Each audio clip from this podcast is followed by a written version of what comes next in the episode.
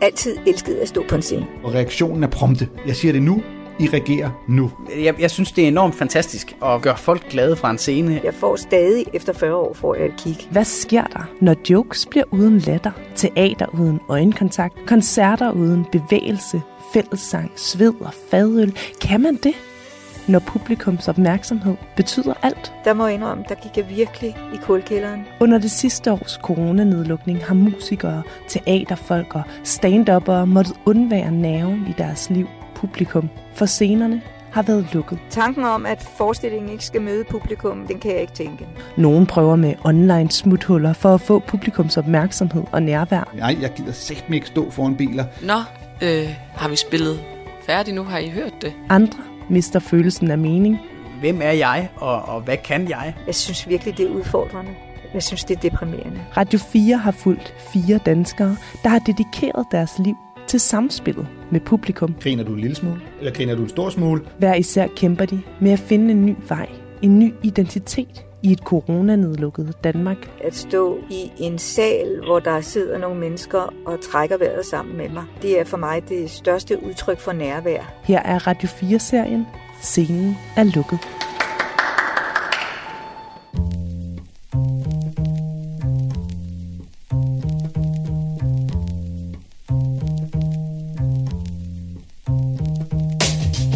Anders Fjelsted er frustreret. Han har været stand-up-komiker i over 25 år, og er dybt afhængig af publikums reaktion, når han optræder. Stand-up reaktionen er lige med det samme. Du kan da spørge publikum og sige, hvorfor griner du ikke? Eller, når det synes du var rigtig sjovt, var. Men nu har alle scener og spillesteder været coronalukket flere måneder, så der er ikke nogen at optræde for. Anders er 44 år, bor i Holte nord for København med kone og to børn, så der skal også hives penge hjem hver måned. Derfor har han nu sagt ja til et tilbud, som han egentlig ikke havde lyst til. Mm. Nå, hvad siger den? Den siger 16. februar kl. 22.00. Gå tur med Wuff i øh, regn, skråstreg, snevejr. Vi er taget i sommerhus for kom så Leica. Gider du alligevel ikke? Det er lidt for sort. For at få lidt adspredelse fra øh, almindelig kedelig hjemmeskoling og alt det gøjl der. Her i weekenden, der skal jeg til at lave sådan nogle drive-in shows op i øh, nede i Roskilde. Det bliver sådan en helt show, hvor folk kører ind i deres biler og ser det hele. Og jeg vil aldrig selv give at skulle starte en bil for at sidde inde i min bil og se sådan noget show der, men det er jo slet betingelserne lige pt det show i Roskilde, det fungerer på den måde, at øh, når det starter, så er der sådan noget åbningsnummer med nogle dansere og en fyr, der synger, en lysshow og en kæmpe scene, og der holder 100 biler. Og så når de er færdige, så siger han Patrick der, hey, velkommen til Rigtig Fedt, nu skal vi også grine, så nu kommer øh, Anders Fjeldsted. Og så øh, tøffer jeg sig ind på scenen og står og kigger ud over øh, de her øh, mørklagte biler og øh, fortæller nogle jokes, og øh, så øh, reagerer de oftest ved at øh, dytte lidt og så prøver man ind i sit hoved at forestille sig, at det, det er deres måde at grine på. Øh, ja, så det, det, er ikke, det er ikke det samme. Det er der, hvor jeg tænker, at det her, det må være lidt ligesom, når, en, øh, når man går ind på sit kontor for at udføre sit kontorarbejde, og man egentlig helst bare vil være derhjemme. Uh, kom, Leica. Ej, det er det værste vejr nogensinde til gåtur, var Leica. Uh. Når jeg har øh, publikum lige foran mig, så kan jeg jo tydeligt se, griner du en lille smule, eller griner du en stor smule? Øhm, hvordan, hvordan er din opmærksomhed? Jeg kan øh, ligesom vurdere folks opmærksomhed, øh, om øh, hvordan reagerer de på de forskellige jokes? Skal jeg måske trække lidt den ene øh, retning eller den anden retning? Kan jeg, kan jeg give mig lidt bedre tid her, eller skal jeg komme hurtigere videre til den næste punchline? Øh, skal jeg snakke lidt med publikum her, eller øh, skal jeg spørge dem om noget? Og når de sidder i en bil, så har jeg ingen af de værktøjer, kan jeg bruge. De ryger alle sammen ud af vinduet. Det eneste, jeg kan forholde mig til er, nu kommer der den her punchline, som jeg ved plejer at afføde et grin. Det håber jeg, den også gør ind i den bil der. Øh, jeg ved ikke, om de sidder inde i bilen og kigger på hinanden og vender øjne, eller om de sidder inde i bilen og, øh, og skriger og griner, eller om de øh, sidder og kigger på deres telefoner, eller ja, det, det er svært at følge med i. Kom, 12. Nå. Og det var flot, Leica. Åh, nu sked min hund. Det er meget fornemt. Nu skal jeg se, om jeg kan samle det op i Bælleberg. Ah, da, da, da. Og lige hele ideen om, at man samler op efter sin hund, der lige er skidt, og den kigger på en, som om den tænker, hvad fuck laver du, din freak, lad dig den lort ligge. Hvis det betyder så meget for dig, så kan jeg lægge en ny, når vi kommer tilbage. Er en eller anden form for joke. Jeg helt sikkert ville have brugt noget tid på at prøve at øve, hvis der havde været nogle scener, jeg kunne få lov at øve dem på. Fordi grundlæggende er der en eller anden sjov præmis i en hund, der simpelthen ikke fatter, hvorfor fuck vi står sådan og samler den slort op i en pose. Og så normalt ville man stå på en open mic og snakke med nogle andre komikere om det. Er der nogen af dem, der har lavet noget lignende før? Fordi at tanken er jo ikke synderligt original, så det er der jo nok. Men øh, de chancer har man bare ikke nu. Og hvis man skal prøve dem allerførste gang på en scene foran folk, der sidder inde i deres biler, så har man jo ingen idé om, hvordan fanden de reagerer på det. Det eneste respons, man får, vil være Da øh, Mette lukkede hele landet ned her i foråret, så gik det jo, øh, så lukkede alle comedyklubberne, og alle teaterne, og alle biograferne, og så fandt man jo ud af, nå, hvad fanden, fanden skal vi så gøre? Og øhm, jeg kan huske, at jeg selv med min familie fandt ud af, hey, vi kan gå i drive-in-bio og se en film. Og det var smadret hyggeligt. Og så hørte jeg om, at der var nogen, der sagde, ja, men vi er faktisk begyndt at tage ud i drive-in-bio, og så i stedet for en film, så er der sgu nogen, der laver stand-up. Så var der nogen fra Roskilde, der spurgte øh, mig, om det var noget, vi kunne have lyst til at gøre. Øh, os, der øh, har øh, ejer Comedy Zoo, som jo er den comedy klub i Indre København, jeg ejer sammen med øh, nogle gode kollegaer. Øh, altså umiddelbart tænker man, nej, jeg gider sæt mig ikke stå foran biler. Men nu var der også så mange andre komikere, der gjort det, man tænkte, okay, man skal jo lige sige, at man har prøvet det i hvert fald. Så når vi har glemt det her om et års tid, så kan man sige, jeg var faktisk en af dem, der under coronanedlukningen prøvede at stå og optræde foran biler, sikke noget hø. Og så lavede vi det show i øh, foråret i Roskilde, og så i januar blev jeg så øh, kontaktet af ham der, der havde lavet det i Roskilde og sagt, vi, øh, vi laver mere drive-in, øhm, og vi tænkte på at lave det her show, og der skulle komme noget stand-up, og jeg sagde, det er da åndssvagt, mand. Til februar, siger du, der er det hele lukket op igen. Og så øh, gik der lige nogle dage, så sagde jeg, nej, det vil vi gerne, det vil vi rigtig gerne. så ja, som I nok kan høre, super nemt at holde humøret i tip-top. Ikke andet end en konsekvent bølgetop af hurra. Og øh, har vi meget tid til familien, når man er fri hele tiden. Og en bølgedal, der siger, fuck, hvor er det nederen det her, mand. Hvornår stopper det her, man kan få lov til at arbejde igen. Hvad så, Leica? Ja, der var lige et eller andet. Leica, kom nu dit åndssvage.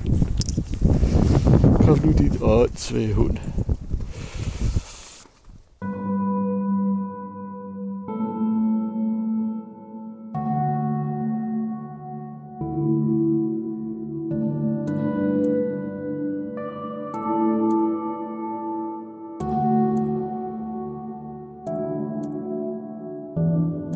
Det seneste år har skuespiller og teaterinstruktør Ina Miriam Rosenbaum været nødt til at planlægge sit arbejdsliv fra det ene coronapressemøde til det næste.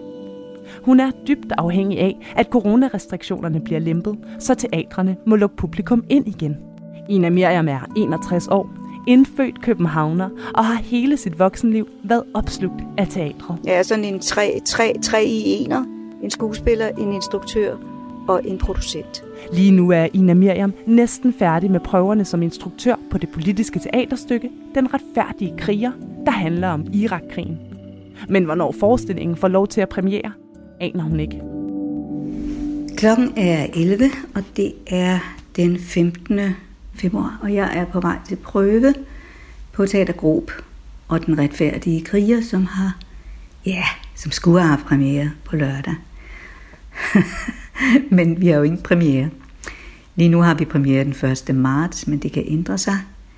Øh, vi regner alle sammen med, at der kommer et øh, pressemøde på fredag, hvor vi finder ud af, ja, om vi overhovedet kan åbne her i foråret med forestillingen, eller om vi skal pakke den ned. Øh, ja, det er en forestilling, jeg har arbejdet på i nogle år. Så det... Ja, Jeg har intet at skamme mig over. Hvad? Men det er ikke din historie at fortælle. Jeg stanser lige, for du kan faktisk godt køre videre. Lige så snart, at Connie er kommet ind, så kører bare videre med teksten. Okay, lige snart Ja, lad os prøve det en gang Vi har, Vi har været i corona, øh, nu her situation og krise i et år, vel sagtens. Og, øh, og jeg har hele tiden tænkt, vi kommer til at spille den her forestilling. Det her er sgu overstået. Og vi har jo solgt billetter, og jeg har tænkt, ah, det skal nok være overstået til, vi, til februar, hvor vi har premiere. Og derfor, da vi nåede ligesom december, det gik op for mig, at det kommer ikke til at ske. I hvert fald ikke til premieredatoen. Der må jeg indrømme, der gik jeg virkelig i kulkælderen. Øhm, fordi det er jo, som jeg har fortalt, så er det flere års arbejde, øh, som, som på en eller anden måde skal omtænkes, og måske ender med slet ikke at, at nå sit mål. Prøv at arbejde med, hvor du tager stolen så. Ja. Godt. Ja, jeg skal lige have Andreas med. Ja. Er du klar? Værsgo. De kom så til gengæld senere fra ham der, Anders Fogh.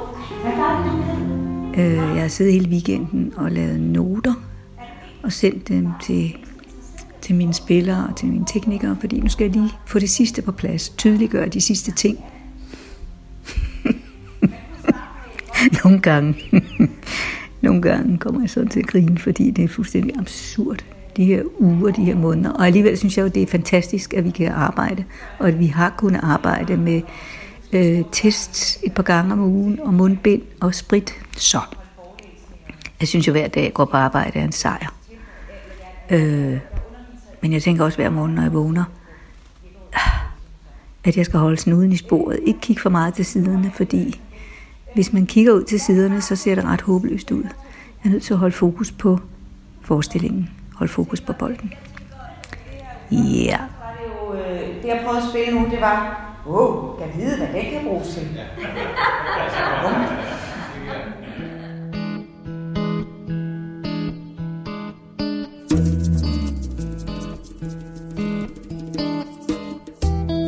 Andreas Svaneborg har spillet musik, siden han kunne gå.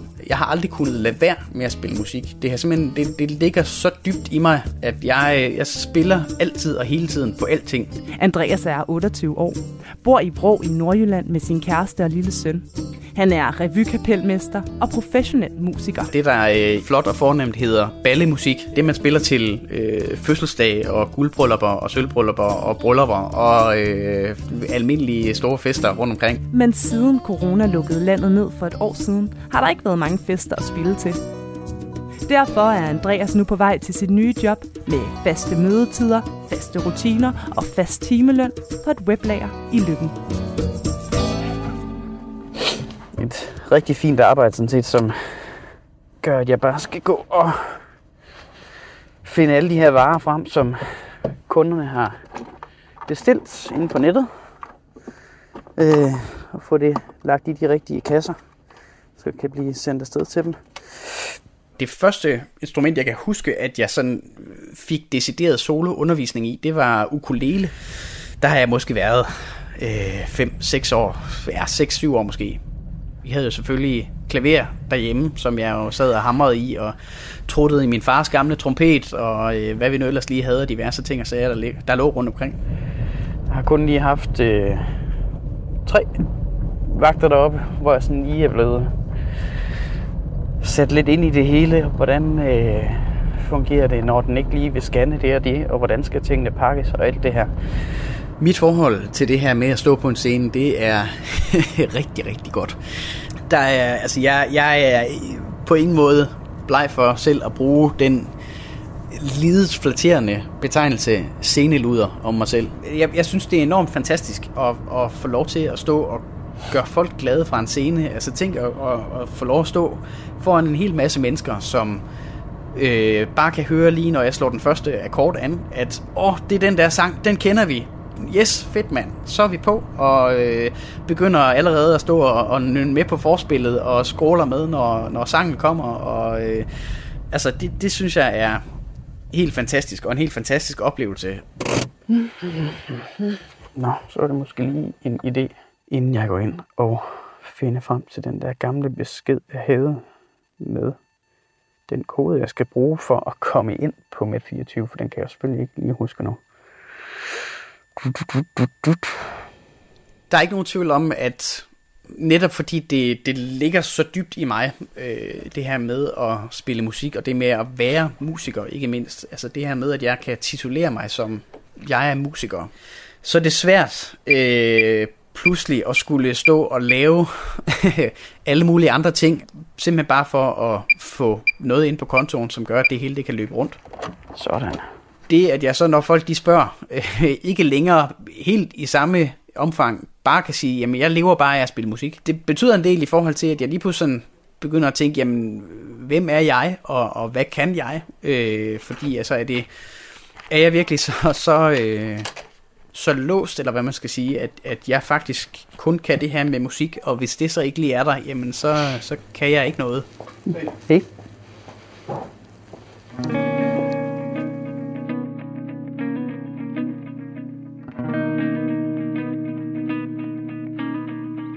41-årige Marie Højlund fra Aarhus har travlt, og hendes titel er lang. Kunstnernavnet er K.H. Marie. Hun er komponist, musiker og lydkunstner. Hun udgav sit første musikalbum i efteråret. Derudover er hun ansat på Aarhus Universitet til at undervise og forske i musik. Hun har også mand og to børn, og så har Marie en del idéer til, hvordan man kan få musik ud til et publikum, selvom de traditionelle scener er coronanedlukket. Om lidt har hun for eksempel Zoom-møde med sin lydmand Kenneth, hvor de skal udvikle et livestream-nummer til et debatarrangement på Kunstmuseet i Aalborg.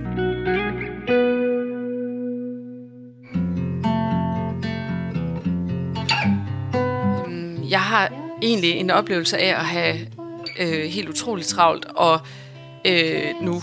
Og man kan sige, jeg tror, at en af grundene er, at øh, jeg har haft lyst til at ligesom opsøgt det her med at lave nogle, nogle eksperimenter med, hvordan man så kunne øh, agere i det her online øh, univers, vi jo i høj grad lever i.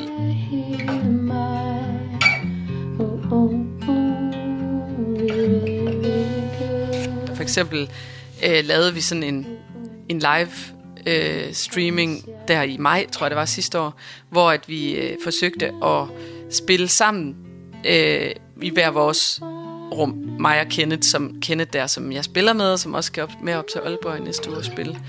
Det lyder måske meget kedeligt og teknisk, men det var, det var virkelig, virkelig et sjovt eksperiment, som vi brugte ufattelig lang tid på.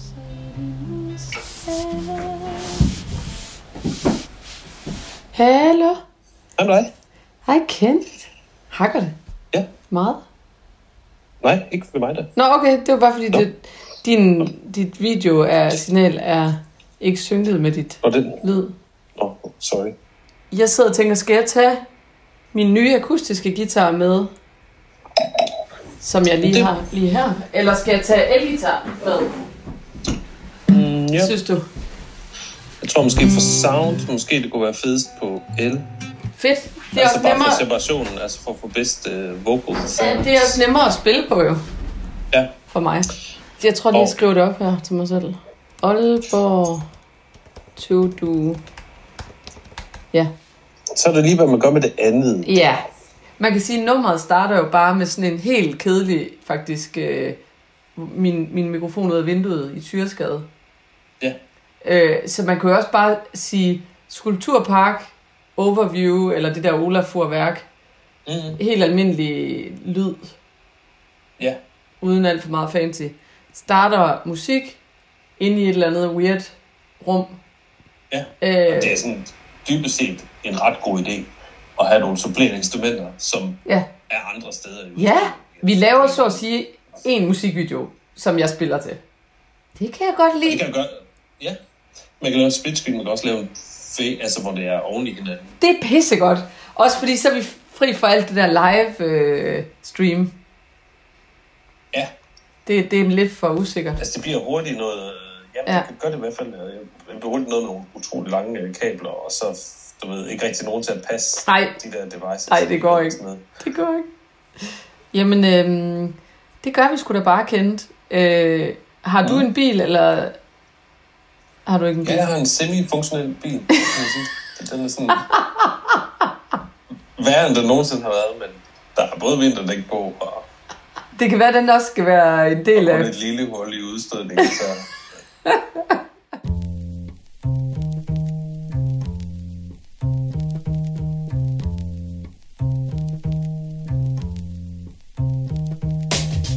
Det sidste års coronanedlukninger har isoleret mange danskere på kedsommelige hjemmekontor.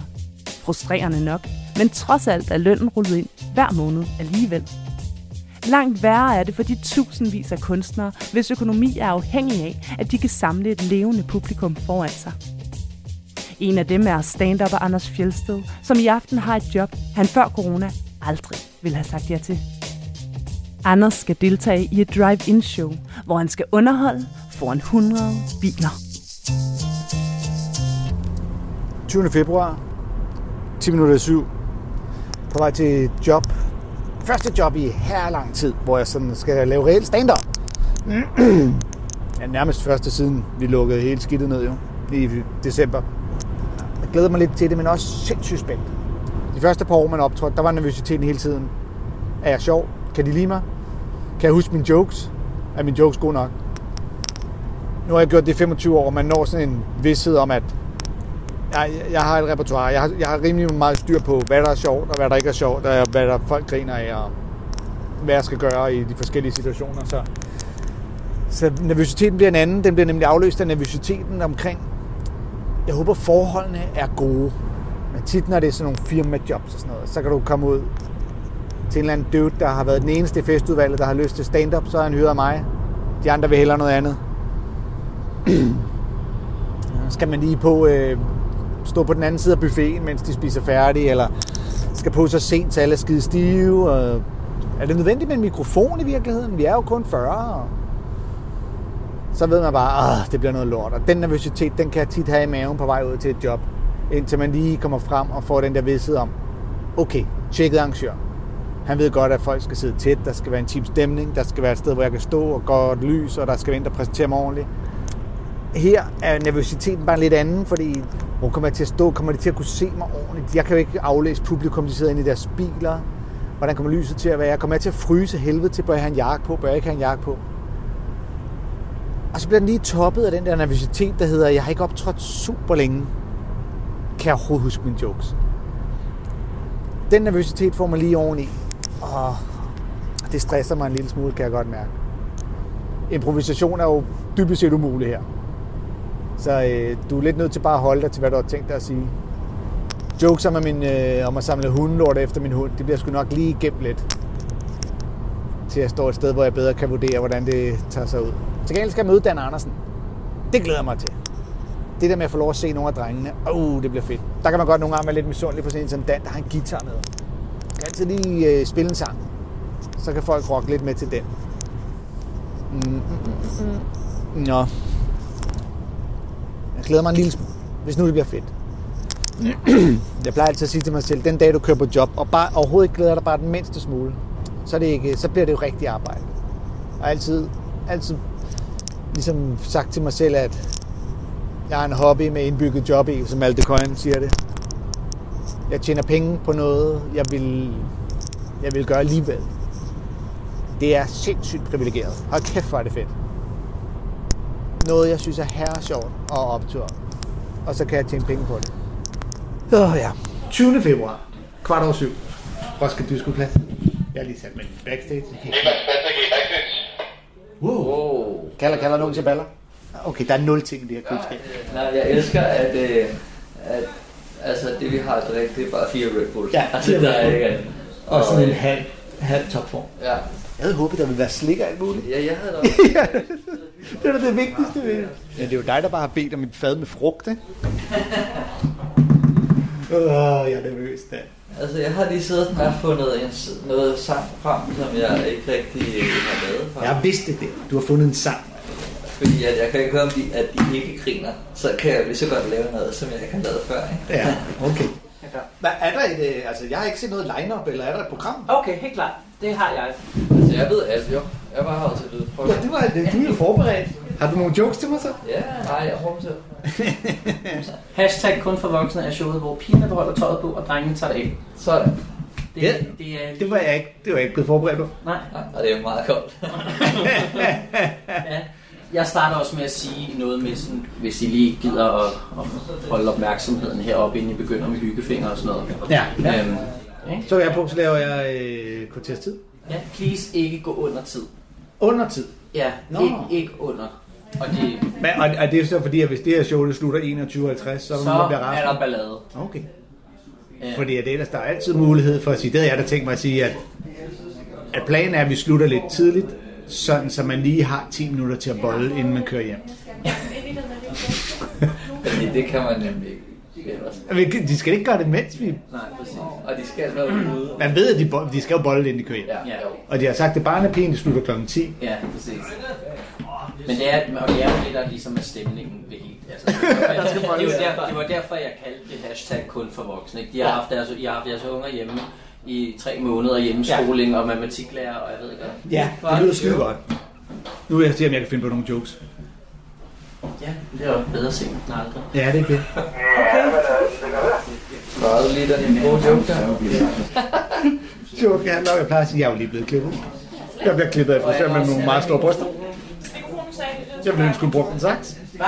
Halløjsa. Den er fin. Ja. Til to timer. Nej, nej, så overlever vi bare ikke. Ej, er, er det nu? Ej, starter først om 8, ikke?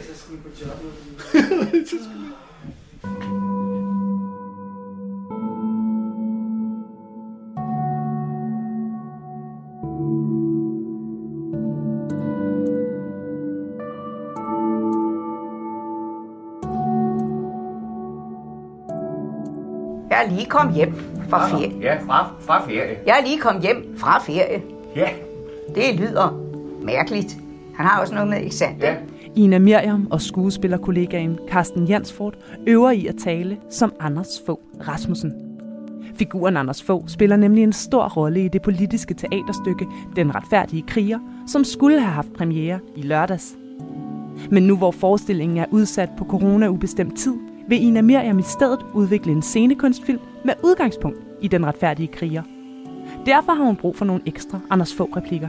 Så er det måske en god anledning til lige at gøre lidt status.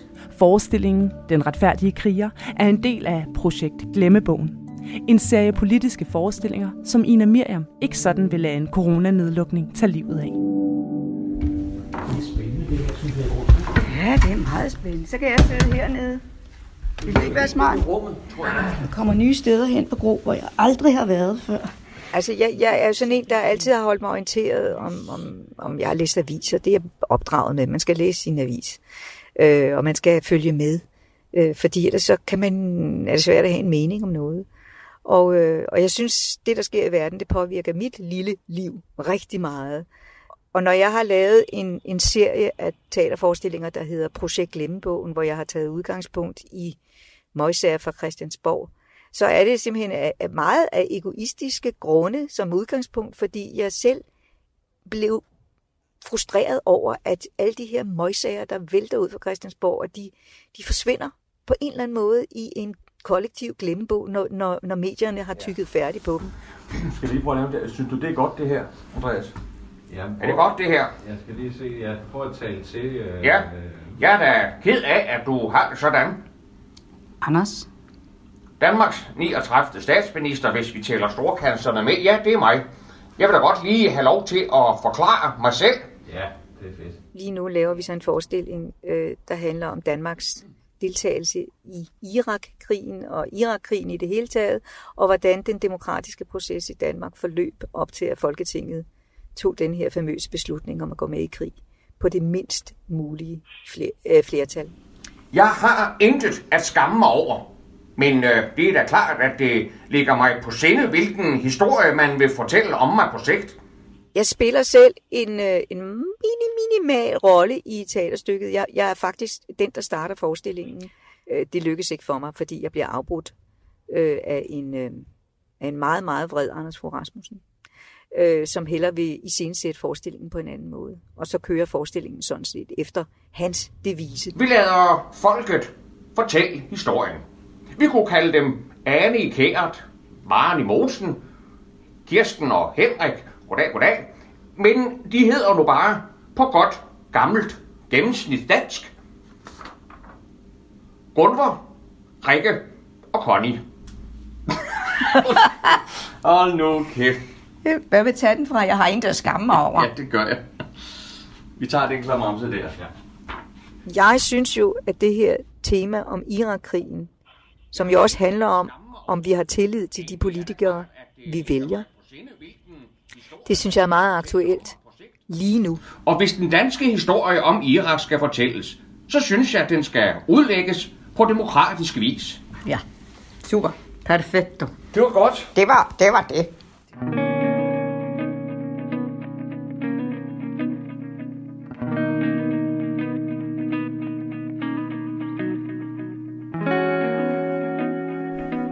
Marie og hendes lydmand Kenneth er på museet Kunsten i Aalborg for at livestreame en af Maries sange til et online-event. I går optog de videosporet, som så i dag skal køre på skærmen, samtidig med, at Marie spiller og synger. Museet er coronalukket, så tanken er, at publikum kan sidde hjemme hver især og sammen følge med på Zoom, mens Marie spiller. Marie synes, det er sjovt og udfordrende. Men der mangler også noget. Jeg synes jo ikke, koncerter er sjove, hvis ikke man har en, en relation, afstemning med publikum, hvor man sådan mærker, hvad de øh, ikke vil, men altså sådan udsender af, af signaler tilbage til en. Nå, øh, har vi spillet færdigt nu? Har I hørt det? Sådan, der mangler på en eller anden måde halvdelen af det, i hvert fald halvdelen. Jeg vil se himlen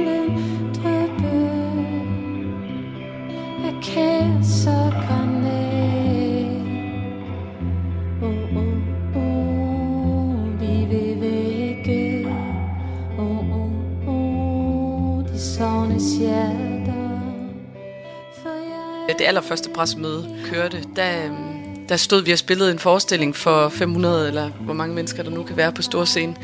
Øhm, og, og kommer ud, og så får vi at vide der, øh, at det var så sidste forestilling, og nu er det slut, og nu øh, lukker hele landet ned. Og det, det var jo en kæmpe kontrast på den måde, fordi at, at det at være i, i sådan en teaterforestilling øh, forestilling med en flok på den måde, det er jo meget så intenst. Jeg havde jo et par år lige inden, hvor jeg stod på scenen nærmest hver øh, aften på teateret, og i, i to år med Nephew på altså, hvor, hvor jeg hver weekend stod foran tusinder og tusinder af mennesker. Så det er jo en kæmpe kontrast. For mig er det ikke bekræftelsen af mig selv som person, jeg, jeg savner. Det er faktisk mere den der, det der fælles øh, rum, fælles sansning på en eller anden måde, hvor man sådan deler øh, noget lyd i et rum sammen. Det er den ting, jeg savner mest ved det. applause. We are, we are the only one at the Thank museum. you. Marie, it was really great. I followed. It looked good, all the videos and stuff Oh, mixed good. in. I'm happy to hear that. Yeah.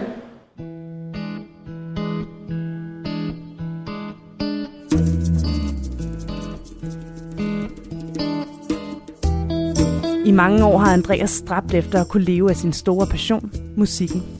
Og på et tidspunkt kunne han faktisk nøjes med at svare helt kort, når folk spurgte ind til hans job. Hvad laver jeg? Jeg er musiker. Det dækkede min personlighed. Men på grund af coronanedlukninger er Andreas tvunget til at finde på noget andet. Lige nu pakker han kundeordre på et weblager i Lykken. Det er ikke første gang, han har forsøgt at skifte retning i sit liv. Andreas er 28 år, og på weblageret føler han sig gammel.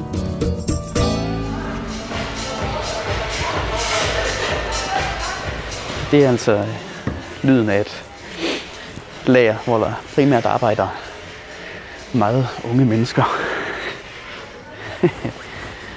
Så kommer gammelfar her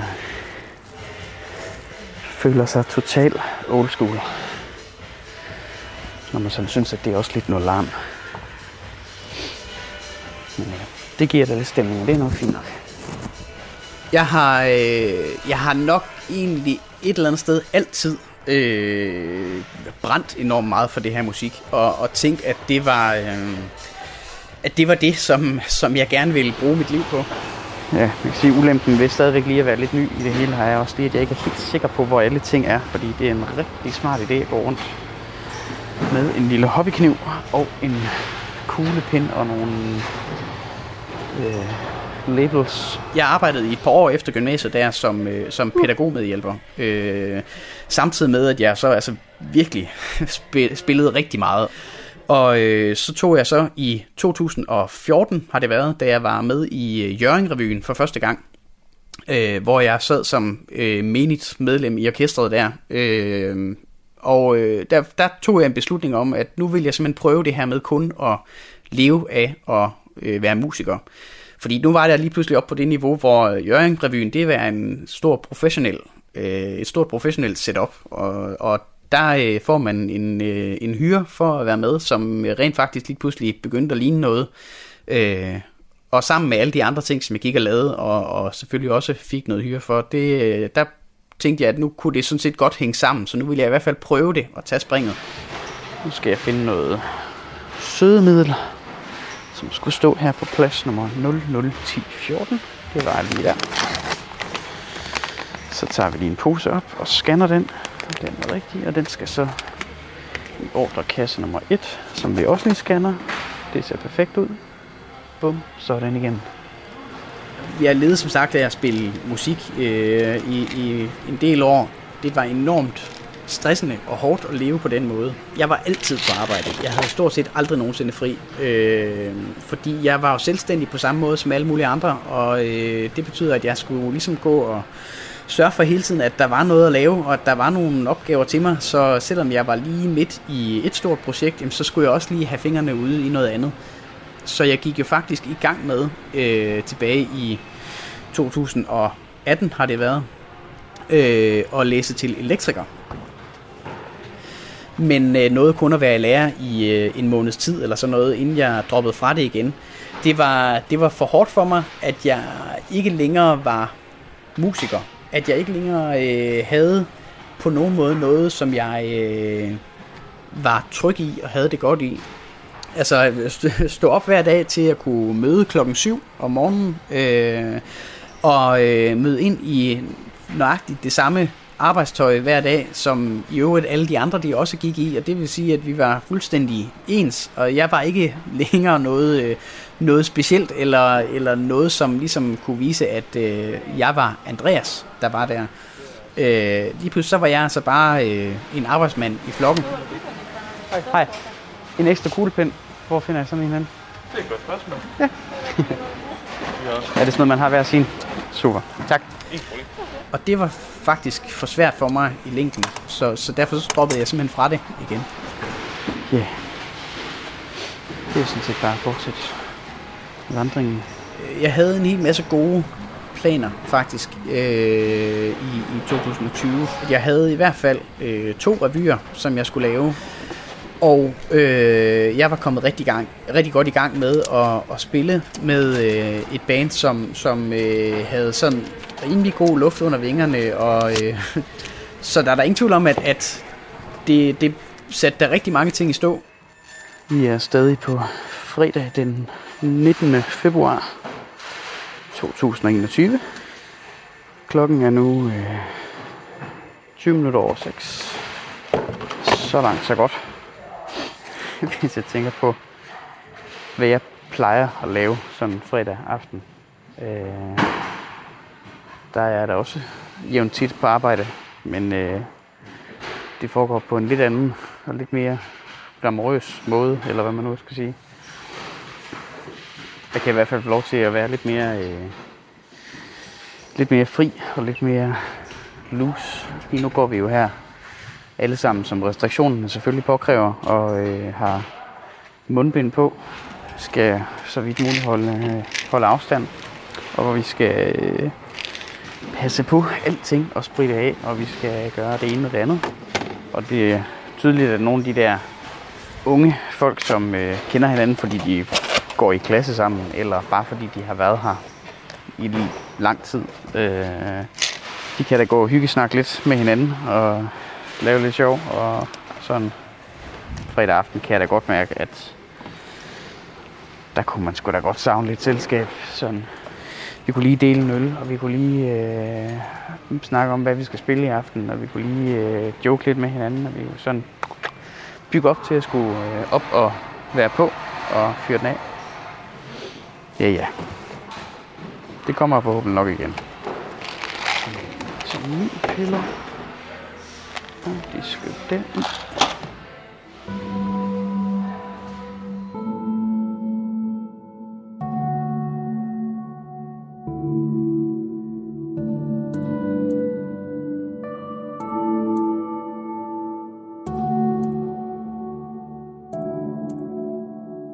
Der er over 200 små og store teatre rundt om i Danmark. Her i det tidlige forår 2021 er de alle lukket på grund af coronarestriktioner. Ærgerligt for publikum, og en katastrofe for dem, der arbejder på teatrene. Derfor har teaterinstruktør Ina Miriam Rosenbaum travlt med at komme hjem og se tv i dag. Der er coronapressemøde, og det statsminister Mette Frederiksen melder ud her, er alt afgørende for, om Ina Miriams teaterstykke, Den retfærdige kriger, kan få premiere på Teater Grob i København nu i foråret. Altså tanken om, at forestillingen ikke skal møde publikum, den, den, den, den, den kan jeg ikke tænke. Okay, nu er jeg lige kommet ind ad døren. Det er den 24. i anden, og jeg er lige kommet ind som måske tænker, at vi nok og hjem gør det, og øh, der er det rigtige. er midt i Mette Frederiksens øh, pressemøde. Pandemien, den Og jeg prøver lige at få et overblik her. vores tålmodighed. Og i stigende grad tester den det Ja. også vores Okay. sammenhold. Så øh, det er så helt tydeligt, at teateret ikke får lov til at genåbne. I hvert fald ikke i den periode inden for den 20. marts, hvor vi ligesom kan spille forestillingen Den retfærdige kriger på Teatergruppe. Så det kommer ikke til at ske. Um, ja udgangspunktet Det at få en teaterforestilling op på scenen og på brædderne, det, det er jo et kæmpe apparat. Altså, det er jo virkelig en meget omkostningstungt i virkeligheden, og, og der er rigtig, rigtig mange mennesker, der er involveret. Øh, vi er jo, vi er jo, har jo været en 15-18 mennesker til at lave den her forestilling, hvis man regner alle, alles indsats med.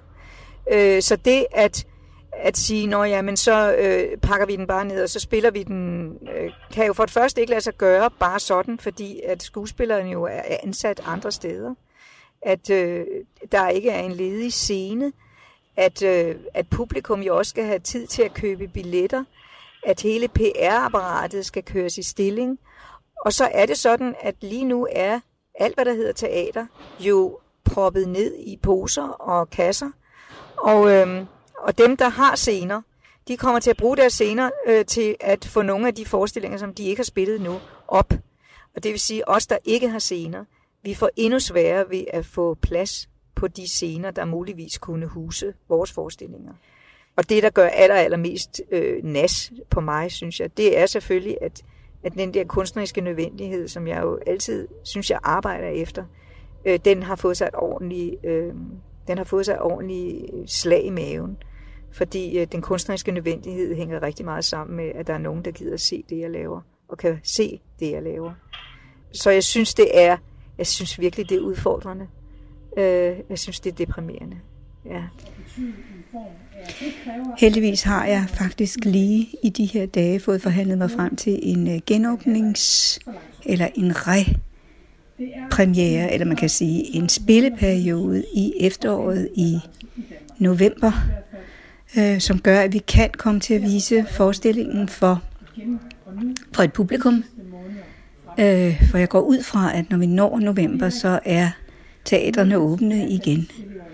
Men øh, man kan sige, at med de her perspektiver, så er vores scenekunstfilm, som vi står midt i at lave, den film bliver endnu mere væsentlig at, øh, at få lanceret her i foråret. Men hold da fest. Jeg har lige været på grøntåret, og det øh, der er en mærkelig stemning, for det er både lidt forår, og samtidig er der også sådan en tyngde øh, over gadebilledet. Folk er trætte. Det er jeg også.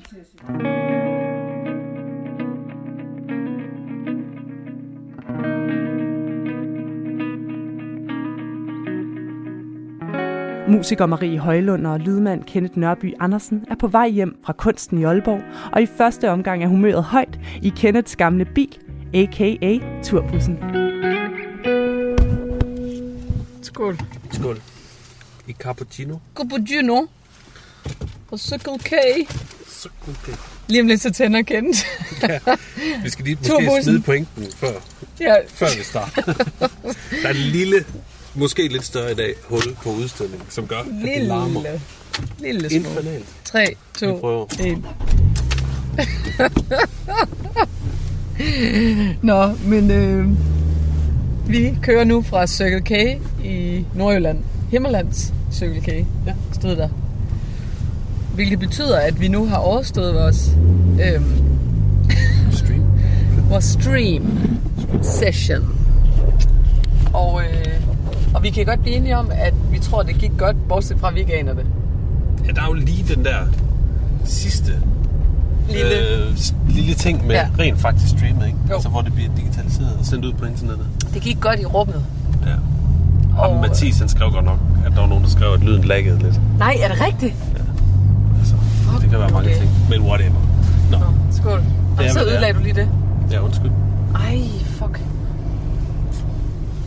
Det er sjovt ikke ved den der klappelyd der, fordi at, at man tænker ikke så meget måske over det, når den, når den er der. Ja. Men når den så ikke er der, ligesom i dag, så er det bare, det, det er så weird, når man har spillet et nummer færdigt. Ja. Og så er der helt stille, og så står man og mangler den der kvittering for, at man... det er så underligt. Jeg vil begynde at, at sælge bifald på internettet. Det var da en god idé. Jeg er fyldt af tanker omkring, hvad betyder det her år ned, års nedlukning sådan i en mere langsigtet og filosofisk og menneskelig forstand.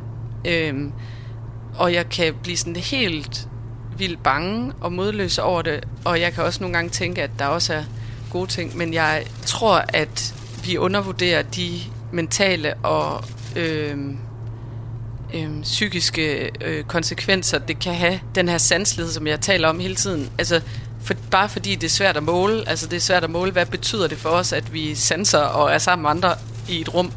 Jeg har, tror, det har rigtig stor betydning, og når man så ikke har det, så kan man så heller ikke måle, hvor meget det så har negativ betydning jo. Ja, vi er så stadigvæk i fjerden på vej hjem, og vi går nu i breaking news.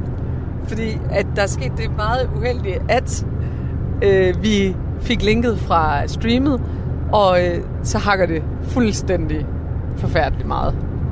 Øh, hvilket vil, basically vil sige, at øh, alt det, vi har lavet, det, det gider man ikke rigtig lytte på. Så øh, nu tager vi direkte ned på havnen i Aarhus, hvor at vi har et øvelokale, og så, så prøver vi simpelthen at få videofilen op fra Aalborg, og så prøver vi simpelthen at lave en ny lydside til, øh, så vi kan få lagt en version op hurtigst muligt, som ikke hakker. Over and out. Jeg sidder nu i mit studie igen, lydstudie, øh, som jeg forlod i går morges, og nu er klokken halv ti onsdag den 3. marts om aftenen. Og for meget kort tid siden, der uploadede jeg en øh, og en, øh, blah, blah, jeg er lidt træt. For meget kort tid siden, der uploadede kunsten en ikke-hakkende version af vores Aalborg eventyr. Øh, og det er på en eller anden måde sådan den eneste udgang, jeg kunne have på den her dag, hvis ikke jeg skulle have en rigtig dårlig nat. Og der er kommet en rigtig flot video ud af det, og øh, måske er der flere, der ser den, fordi den nu er blevet en selvstændig video. Og jeg vil også sige, at det er sådan set mere regel end undtagelsen i den her undtagelsestilstand, som er ved at blive en regel. Øhm, at ting, de bare er svære og besværlige og øhm, udfordrende på nye måder, når man skal spille musik og prøve at øhm, ligesom gøre noget særligt ud af de få ting, som man kan få lov til at lave øhm, ude i virkeligheden. Men øhm, for nu, så, øh, så tror jeg bare, jeg skal i seng snart.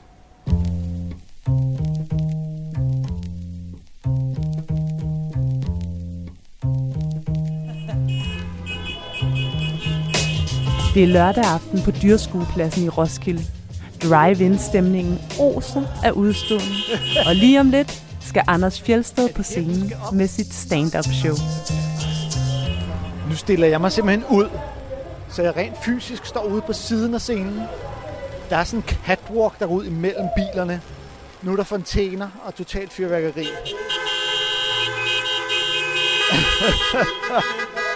Det er et sært miskmask af, af covernummer, dansepiger, øh, mænd med sixpack, der semistripper. Og så Dan og jeg, der laver stand-up comedy. I gør det er den her respons, man får. Er det nu, det sker? Ja, Er det nu? om snart. Knækker brækker, god fornøjelse. Ej,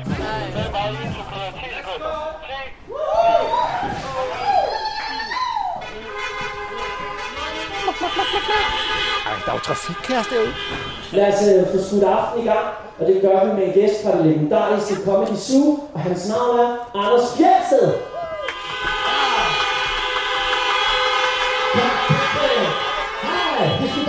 Er er øh, hårde tider for, øh, for sådan nogle øh, stand-up-komikere, fordi der er ikke nogen øh, stand-up-scener, de kan få lov at komme på. Øh, jeg jeg er glad for at have min, øh, min pilotuddannelse og min minkfarm at falde tilbage på. Men øh, nu kan vi det mindste komme herud til jer, jeg vil sige. jeg vil sige, at jeg skulle være nervøs. Jeg har været nervøs, fordi jeg ikke, det der med at optræde foran, øh, øh foran biler, det er sgu lidt svært der. Og så sagde min datter til mig, hvordan har du tænkt dig at øve dig, bare? Har du bare tænkt dig at stille dig foran vores egen bil og øve dig? Ja, ja, var. Det er fedt for mig at vide, at I alle sammen har betalt det samme, om vi så sidder i en fed BMW eller i en Skoda, så er det samme pris. Det,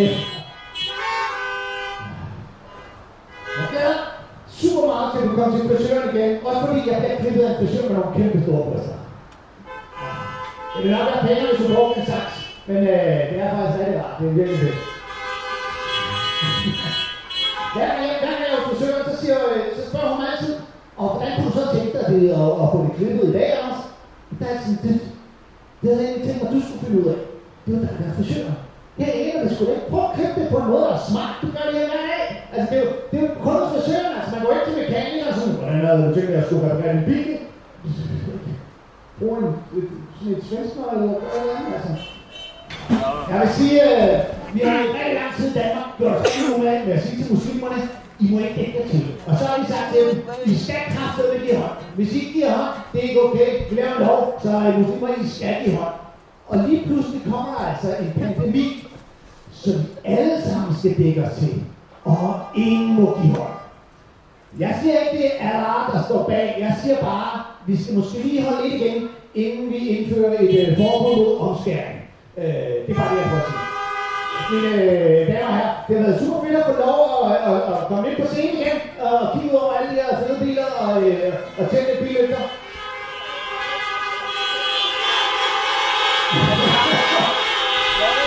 Men det var Anders Ja, for se. Jeg tror overordnet set, folk var tilfredse. Jeg gik lidt i semi-panik og fik ikke lavet nogen af de jokes, jeg egentlig gerne ville lave. Det er svært. Men det er hver, hele tiden, man får den der forestilling om, at så I sidder inde i bilerne og er rigtig glade for det her. Ja, ja, ja. Fordi man selv har sådan lidt, hvorfor er I det? You spin me round, round, baby, round, round, like a record player. Øh. Kommer altid lige lidt bedre humør, når man tænker over, at man faktisk har noget at lave. Mangler man bare lige den sidste hurdle, at det, man laver, skulle gerne være noget, man faktisk synes er rigtig fedt også.